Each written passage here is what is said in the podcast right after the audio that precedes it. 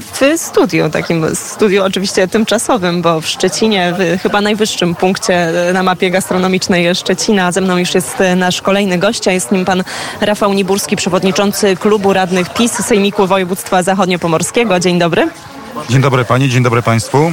No dobrze, skoro znajdujemy się y, tak blisko granicy z naszymi zachodnimi sąsiadami, ostatnio z tych tematów, które można powiedzieć zdominowały opinię publiczną zarówno w Polsce, jak też i właśnie po, po, po zachodniej stronie była kwestia reparacji, jak tutaj na nią spoglądają politycy i jak w ogóle na tę sprawę spoglądają szczecinianie. Co, zacznę od końca. Co do tego, jak na tę sprawę spoglądają szczecinianie, to ciężko powiedzieć, ponieważ nie było badań opinii publicznej, były badania opinii publicznej w skali ogólnopolskiej, jest przewaga Y, osób, które są za tym, aby o te reparacje wystąpić, starać się o te reparacje. A jeżeli mówimy w ogóle o reparacjach, no to też y, przyglądałem się tej debacie publicznej, która ma miejsce od 1 września w naszym kraju. No i tutaj należałoby kilka wątków poruszyć. Po pierwsze, y, ale w skrócie, tak, też żeby nie zdominować tylko tematem reparacji naszej rozmowy. Po pierwsze, Polska nie zrzekła się nigdy reparacji, bo uchwała Rady Ministrów z 53 roku jest nieważna, bo zgodnie z konstytucją PRL-u artykuł 25 punkt 1 ustęp 7 politykę zagraniczną, czyli ratyfikacja i wypowiadanie umów międzynarodowych należało do Rady Państwa, więc organ, jeżeli rzeczywiście jest taka uchwała Rady Ministrów, no to był to organ niewłaściwy do zrzeczenia się reparacji. Kolejna sprawa to, co ostatnio mówił kanclerz Scholz, że ta sprawa została uregulowana w traktacie 2 plus 4 z 90 roku. Żadna y, z tych kwestii nie została uregulowana w traktacie 2 plus 4, tak samo jak Polska w traktacie granicznym z, ze Zjednoczonymi już Niemcami również kwestia reparacji nie została uregulowana. No trzecia kwestia to jest to, że reparacje się nigdy nie przedawniają, to jest odszkodowania za poniesione straty wojenne, więc jak najbardziej Polska może o te reparacje wystąpić, a jeszcze chciałbym przypomnieć, że dzisiejsi krytycy reparat, występowania o reparacje, czyli Platforma Obywatelska czy Lewica w 2004 roku uchwałą sejmową yy, poparli starania się Polski o reparacje wojenne wobec Niemiec. No bo zdaje się, że w, w, sposób e, oczywisty to jest e, sprawa, która jest zgodna z interesem Polski, że tutaj tych podziałów nie powinno być, no ale kiedy już mówimy o, o tych głosach e, krytyki, one oczywiście płyną faktycznie głównie od strony opozycji, no to też ciężko nie zauważyć, że, że pewnej zależności, że jeżeli zaczynamy mówić o sprawie reparacji, to albo powinniśmy mówić o niej cały czas i z taką samą intensywnością, albo nie powinniśmy zaczynać tego w takim momencie, żeby dawać pewną kartę przetargową właśnie nawet opozycji, czyli mówić, że teraz Prawo i Sprawiedliwość nagle znów głośno domaga się e, powrócić do kwestii reparacji, bo chce zyskać jakieś przychylne, e, przychylne głosy. Ja bym powiedział, że no, paliwo to nie jest paliwo dla opozycji, ponieważ tutaj powinniśmy mówić wszyscy jednym głosem, a tym jak e, opozycja mówi. Ja też dzisiaj słyszałem e, głosy e, osób, że Niemcy, że nie powinniśmy się domagać tych reparacji, bo Niemcy zrobili wiele dobrego po II wojnie światowej. No szczerze mówiąc, ja bym nie powiedział, że Niemcy zrobili aż tak wiele dobrego po II wojnie światowej, a jak robili wiele dobrego, to we własnym interesie, bo umówmy się, założenie Unii Europejskiej, Niemcy byli jednym, RFN było jednym z założycieli Unii Europejskiej, leżało w interesie Niemiec, aby Niemcy wydobyć z izolacji międzynarodowej. To jest pierwsza kwestia. Druga kwestia, y, przypominam, że te reparacje są, y, roszczenia dotyczące reparacji powstały w wyniku raportu, a y, przygotowanie takiego raportu, aby ten raport był rzetelny, fachowy i były w nim naprawdę dane miarodajne, wymaga lat. Ja wiem, że już kilka lat temu Prawo i Sprawiedliwość mówiło o tych reparacjach, no ale mówię, raport rzetelny, rzetelna analiza i mamy bilans ponad 6 bilionów złotych, które domagamy się od Niemiec za straty wojny, a te straty były ogromne. Wystarczy spojrzeć na Warszawę przed wojną, a wystarczy spojrzeć na Warszawę y, z maja 1945 roku. Żeby już e, zamknąć pewną klamrą temat relacji polsko-niemieckich, e, proszę powiedzieć, jak tutaj na poziomie miasta układają się e, także te relacje z, z Niemcami.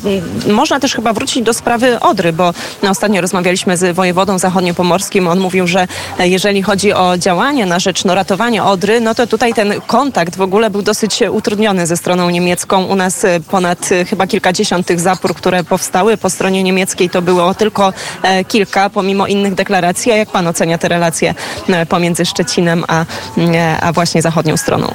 Ja bym bardziej się skupił na relacjach nie pomiędzy Szczecinem, a pomiędzy Pomorzem Zachodnim całym, a yy, przygranicznymi landami, no bo w zeszłym roku była to też bardzo głośna sprawa.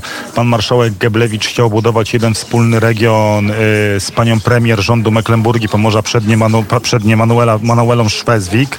A przypominajmy, przypomnijmy, że pani Manuela Szwezwik yy, miała aktywny udział przy budowie gazociągu Nord Stream 2, który nie leży z polską racją stanu, więc te interesy, jeśli idzie o organy reprezentowane przez Platformę Obywatelską, to można powiedzieć, że się układają te relacje nawet poprawnie, no ale też umówmy się, Niemcy mają swój interes. No wielokrotnie z Niemiec płynęły głosy, żeby ta Platforma Obywatelska wróciła do władzy, no chociażby sprawa tutaj powiąże, już bo to też się wiąże z relacjami polsko-niemieckimi, KPO i cytaty polityków Platformy, jak wygramy wybory, to będzie KPO, no to a umówmy się, że Niemcy nie są od tego, aby wpływać w, na demokratycznie wybrany rząd w Polsce, a to kto ma w Polsce rządzić. I tak samo dotyczy się do Pomorza Zachodniego oczywiście. Tylko przypomnę, że gościem Radia Wnet jest przewodniczący klubu radnych PiS Sejmiku Województwa Zachodnio-Pomorskiego, pan Rafał e, Niburski. Panie Rafale, Radio Wnet dopiero co wróciło z takiej dosyć dużej podróży po Litwie, po państwach bałtyckich. E, tam jeździliśmy po różnych miastach, poruszaliśmy wątek innymi usuwania pomników, e, pomników sowieckich z różnych miast. Dla przykładu w takiej Narwie, to jest chyba taki najbardziej, można powiedzieć, rosyjski punkt na mapie Europy. To było tak, że te pomniki nie zostały do końca usunięte, zostały gdzieś poukrywane, a ale w miejsca, w miejsca składane są kwiaty, palone są znicze. Tam faktycznie ten kult jeszcze e, takiej sowieckości jest bardzo mocno e, odczuwany. Tutaj mamy tak naprawdę e, panoramę przynajmniej części Szczecina. Żadnych pomników sowieckich nie dostrzegamy, ale jak wygląda e, właśnie ta kwestia e, tutaj? Co do pomników sowieckich, to w Szczecinie jeszcze jakbyśmy rozmawiali 3-4 lata temu, to były cztery pomniki. Jeden nieopodal tutaj na uzbiegu ulic Aleja Niepodległości Jana Pawła II był y, pomnik wdzięczności Armii Radzieckiej. Ten pomnik, ale to oczywiście były starania wieloletnie, y, czy to radnych Prawa i Sprawiedliwości, czy nawet jeszcze jak ja byłem przewodniczącym Młodzieżówki Prawa i Sprawiedliwości tutaj na, y, w Szczecinie. Również staraliśmy się, zabiegaliśmy o to, aby ten pomnik został usunięty. Miasto zawsze mówiło, że y, stanowisko Federacji Rosyjskiej jest następujące, że to jest miejsce pamięci, że to jest ochronione porozumieniem polsko-rosyjskim z 1994 roku, co oczywiście nie jest prawdą, ponieważ takie porozumienie jest, ale chroni tylko miejsca pochówku żołnierzy radzieckich. Yy, więc były, było naprawdę ciężko z tym pomnikiem, ale ten pomnik ostatecznie został usunięty nie tak dawno. Drugi pomnik przy ulicy Neringa również został usunięty pod koniec poprzedniej kadencji Rady Miasta. Ten pomniku oprócz, yy, to był pomnik sławy Armii Radzieckiej, były jeszcze symbole sierpa i młota, więc te dwa symbole radzieckie zostały usunięte. Jest jeszcze symbol w Dąbiu. Tutaj też niedawno radni podjęli uchwałę, że ten pomnik ma zniknąć.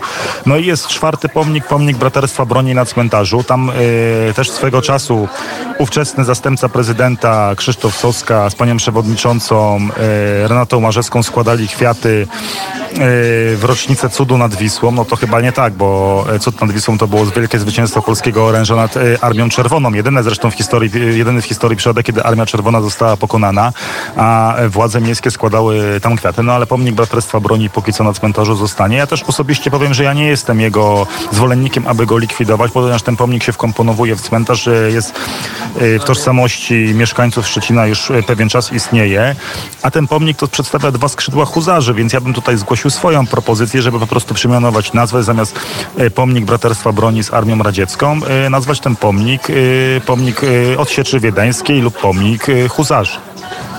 No zobaczymy, być może ta propozycja zostanie wzięta pod uwagę. Mamy jeszcze dosłownie chwilkę, więc proszę powiedzieć może od siebie, czym żyją radni tutaj w Szczecinie, czym, czym w ogóle, co najbardziej zajmuje obecnie Szczecinian. No.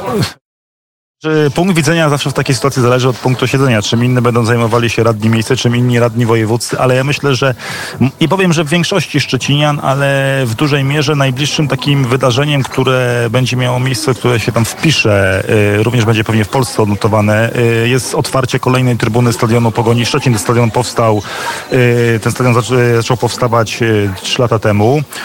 Teraz jest już praktycznie wykończony. Ten najbliższy mecz w niedzielę z Lechem zostanie otwarta trzecia trybuna, w tym trybuna dla kibiców kibiców przyjezdnych, a na następny już mecz 1 października z Lechią Gdańsk ma być otwarty cały stadion. Na ten stadion bardzo długo Szczecinianie czekali, było wiele koncepcji, kilka lat toczące się dyskusje, no ale w 2022 roku będzie uwieńczenie oczekiwań, zwłaszcza tych, którzy chodzą na mecze kibiców, a poza tym też można powiedzieć wprost, że myślę, że ten stadion przyciągnie także wielu Szczecinian, którzy na mecze piłki nożnej nie chodzili, bo, e, ponieważ warunki na poprzednim stadionie, no powiedzmy sobie szczerze, były dalekie od idealnych. Myślę, że wiele osób nawet z samej ciekawości wybierze się na ten stadion, więc myślę, że to będzie jedna z wizytówek Szczecina.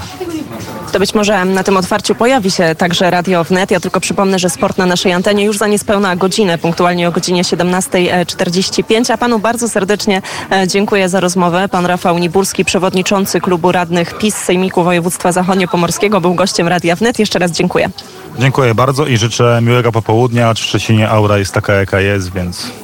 Ale mimo wszystko miłego popołudnia życzę.